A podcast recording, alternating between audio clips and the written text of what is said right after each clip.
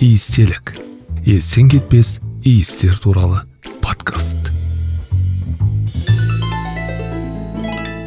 Әр жазғы каникулым менің нағашыларға қонаққа барудан басталатын. Алматыдан жағдай келіссе өзбекстанға пойызбен купемен баратынбыз. Ата анамыздың жағдайы келмесе плацкартпен не болмаса тіпті икаруспен де жүрген кезіміз болады. Содан бері мен пойыздағы плацкарттың иісінен және икарустан шығатын бензин аралас сол қара түтінге тұншығып шығатынбыз. Күн ыстықта ауа жоқ кондиционер деген атымен жоқ. Жол бойы ауырып баратынмын мен. Әлсіз жолға өте шыдамсыз болатын нағашыларымыз өзбекстанда ташкент облысында шыршық ауданы деген жерде тұрады. Өте алыс жол. Ол жерде маусымның өзінде кем дегенде ауаның температурасы 30-35 градустан төмен болмайды содан кейін ең бірінші жаңағы жүгіміздің бәрін түсіреміз. Жаңағы мамамның інісінің үйінде.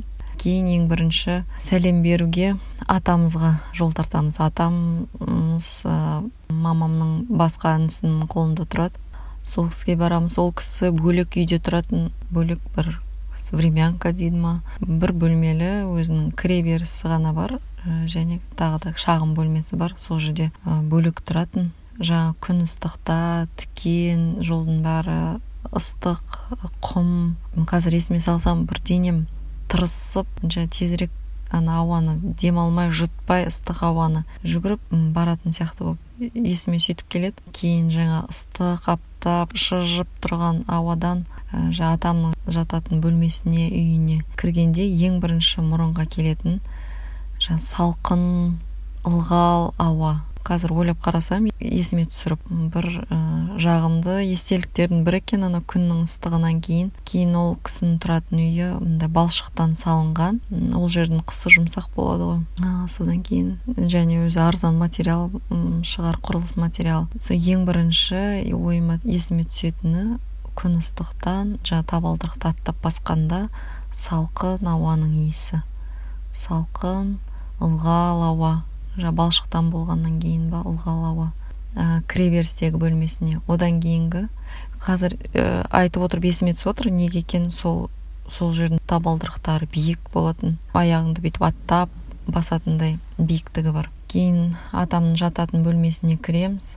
Атам көзі көрмейтін соңғы жылдар өзі бір көзді ақсақал болатын шешек ауруынан кейін бір көзі ғана аман қалған. Жас кезіндегі суреттерде де сондай болатын. А, кейін жасы келе қартая екінші көзі де нашар көріп ә, онша көрмейді әйтеуір дауыс салып ә, амандасып кіргенде а қазақтар алматылықтар кеп қалдыңдар ма? деп өзі бір бойшаң сондай сымбатты кісі болатын қартайса да арқасы тіп тік мындай бүкшиіп бүкірейіп жүрген кезі есімде жоқ. Қазіргі адамдармен а шалдармен салыстырып қарасам іші де жоқ болатын өзі арықша келген бойы ұзын денелі төрде бір подиум сияқты жерде үстінде тағы да биік төсек сол төсектің үстінде отыратын. Енді бөлмесіне кірген кездегі жаңағы салқын ылғал ауадан кейінгі ең бірінші қазір енді ажыратып көруге тырысам бірақ не бір неше түрлі иістердің қосындысы болатын. Ә, біріншіден ә, атам насыбай ататын. Енді қазір білемін ол насыбайдың иісі екенін. Ол кезде білмеймін ол кезде мұрным тыржиып сөйтіп кіретін мынау не мынау ауа ұнамай. Насыбайдың иісі қазір ойлап қарасам. Кейін енді үлкен кісі кәріліктің иісі бар. Ыстық жер болған соң бір тершең терінің иісі ә, содан кейін көк шайдың иісі. Атам үнемі көк шай ішіп отыратын бір көк шайдың иісі. Енді терінің иісі болғанымен ә, ол бір андай қоламса жағымсыз иіс емес. Бір адамның енді ол жерде душ та ондай душ болса да атам көз көрмейді күнделікті түсе түсе қояды деп ойламаймын. Бір аптасына бірі түссе жақсы екі аптада түссе жақсы ә, шомылдырса ол үлкен кісіні. Бірақ сонда да ә, жаңағы бір көзді ашытатын бір жиіркендіретін сондай иіс емес бір тері сіңіп қалған. Қанша жаз болса да жылы киініп отыратын аяғында жылы носки мұздап отырады аяғым деп. Кейін аяқ қақсайды буындары ол кісінің ә, жылқын майын жағады аяғына оның да иісі бар. Ә, кейін неше түрлі әйтеуір бала шағасы он бір бала шағасы бар. Соның әр жерден бір алып келген мазь дәрілердің иісі араласып тұрады. Кейін мен бала кезімде басым өте көп ауыратын. Сонда мен барған жерде әке шешем мамам ғой енді көбінесе дәрігерлерге жаңағы иглотерапевт ине салатын болса ине салатын тәуіп емші болса емші сондай адамдардың бәріне апаратын. Басым бірақ ауру қоймайтын. Оның үстіне жаңағыдай ұзақ сапар жолдан келгеннен кейін мен ол жолдан келген соң міндетті түрде бір аптадай жатып суық түсіп ауырам. Сонда атамның молдалығы бар. Атам жаңағы қазақша бір әдіспен басымды өлшеймін деді ма. Жаңағы біз атамның үйіне кіргенде жерде жаңағы жер жер стол бар дастархан. Сол жерде отырамыз атам төрде биік төсегінде отырады анау хандар құсап тағында. Кейін басымды өлшететін болғаннан кейін ә, атам төсегіне өмірім, өмірімде бірінші рет отырдым. Төсегінде отырдым ол кісінің көзі дұрыс көрмейді мамама жіп әкел деді мамам жаңа бөлмесінде іздегендей болды жіп таппады ә, ешқандай бір жіп табылмады. Кейін атам бол да бол тез да тездің астына салғаннан кейін басындағы бантик болатын көк бантик сол бантикті шешіп осы бантикпен ақ ә, беріңізші деген соң атам жаңағы бантикті бантикпен өлшеді басымды. Мыналар не істеп жатыр деп мен түсінбеймін. Әйтеуір басы тең екен мына жағы тең екен деп басын несін жаңағы ә, шеңберін диаметрін барлық жағынан төбесінен мына иегіме дейін ә, горизонталды түрде вертикалды барлық жерден өлшемін түсіріп жатты. Жаңа бантик ә, сырғып түсе берді атамның қолынан. Басқа жіп тауып әкел дейді ол жіп жоқ. Ә, сол кезде жаңа айтайын дегенім есіме түсіп отырғаны ә, атама жақын контактіде болған кезім сол. Сонда жаңа кәрі кісі бір алпыс бестің кезі шығар ол кез әлі жет мен мен кішкентай кезім болса. Сонда да жаңағы атамды сон жақын тұрғаннан бір жағымсыз иіс байқамадым бойынан. Жаңағы сол насыбай тер, терінің кәріліктің иісі аралас. Бірақ бір аузынан да ә, денесінен де бір жағымсыз ондай бір қоламса бір иіс болған жоқ. Ә, сонда қазір таңғалып отқаным енді ол кезде түсінбеймін ғой ол қандай иіс жақсы қандай иіс жаман екенін. Әйтеуір ұнайды ұнамайды ол кезде бір ғана суреттеу бар. Ал қазір ойлап қарасам бір сонда атам өте жеңіл тамақ жейтін енді ыстық жер болған соң өзі қимылсыз болған соң көбінесе жаңағы көк шай дастарханында бір өрік мейіз тұрса тұратын шығар ә, әйтпесе жаңағы тандыр нан етті көп жемейді. Ол кісілер ыстық жақта. Анда санда бір ет жемесе көбінесе жаңағы күріш басып жейді сорпа мүмкін сол жеңіл тамақ жегеннен болатын болатын шығар.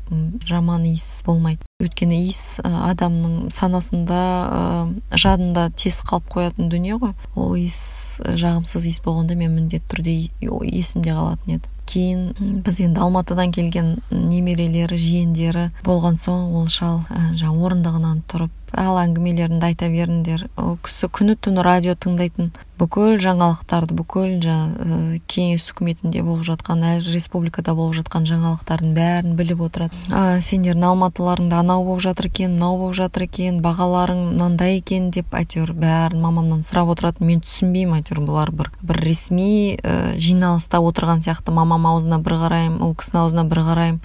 Не айтып отыр мыналар? Бұның соншалықты маңыздылығы қанша деген сияқты. Енді алыстан ат терлетіп қызы келіп отыр ә, бұлар жаңағы саясат экономиканы әңгімелесіп отырғандары қызық. Жаңағы эмоция сағыныш сияқты енді ондай мәдениетте жоқ болған ғой ол кездері маңызды болмаған. Ә, сол әңгімені айтып отырады. Ал сендер әңгімелеріңді айта беріңдер дейді ол өзі төсегінен түседі ақырындап. Мамам көмектесейін ба? Не істейін деп едіңіз? Не алайын деп едіңіз? десе жоқ жоқ өзім өзім сен айта бер әңгімеңді айта бер. Мыналар отыр ма? Не істеп отыр? деп бізді сұрап қояды. Сондай бір жылы естеліктер болған соң көзіме жас келді. Көңілім босады. Кейін ол төсегінен түсіп бөлмесі кішкентай ғана енді ауданын айта алмаймын бір ана бір екі де үш кілемдер сиятын бөл, бөлмедей шығар Та, тар бөлме. Кейін төсегінен түсіп ә, қабырғалардың жағалап өзі отырған қабырғаға қарама қарсы қабырғада қабырғаның бұрышында ә, білмеймін әйтеуір бір қандай ә, неде бір шегеде ма ол есімде жоқ бір ақ дорба ілініп тұрады сол дорбасына жақындайды. Ә, жаңа әрең енді көзі жақсы көрмеген соң қабырғаны сипалап сол дорбасына жетеді. Кейін ә, дорбасын түсіреді дорбасын да білмеймін. Бір кәдімгідей бір ә, салмағы бар дорба оны түсіреді да қолын сол дорбаның ішіне сүңгітіп бүйтіп алақандары мындай күректей ірі кісі болады жаңа дорбадан бір уыс кәмпит алып шығарады.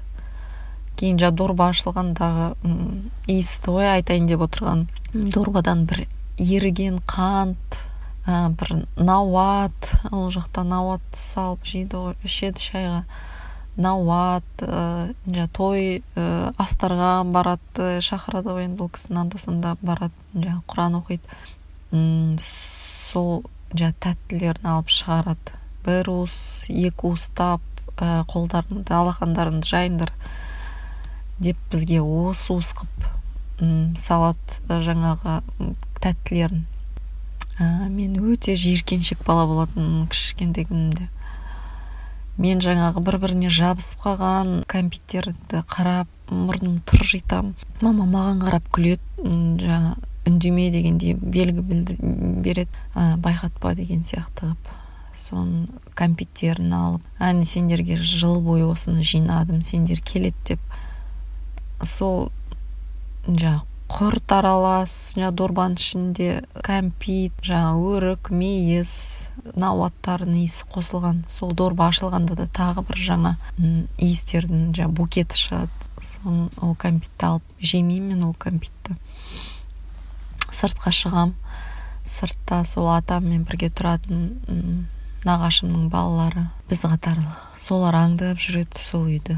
Оларға тимейді ол кәмпит тисе енді бір мейрам күндері тиетін шығар. Енді ә, олар сол моментті күтіп отырады.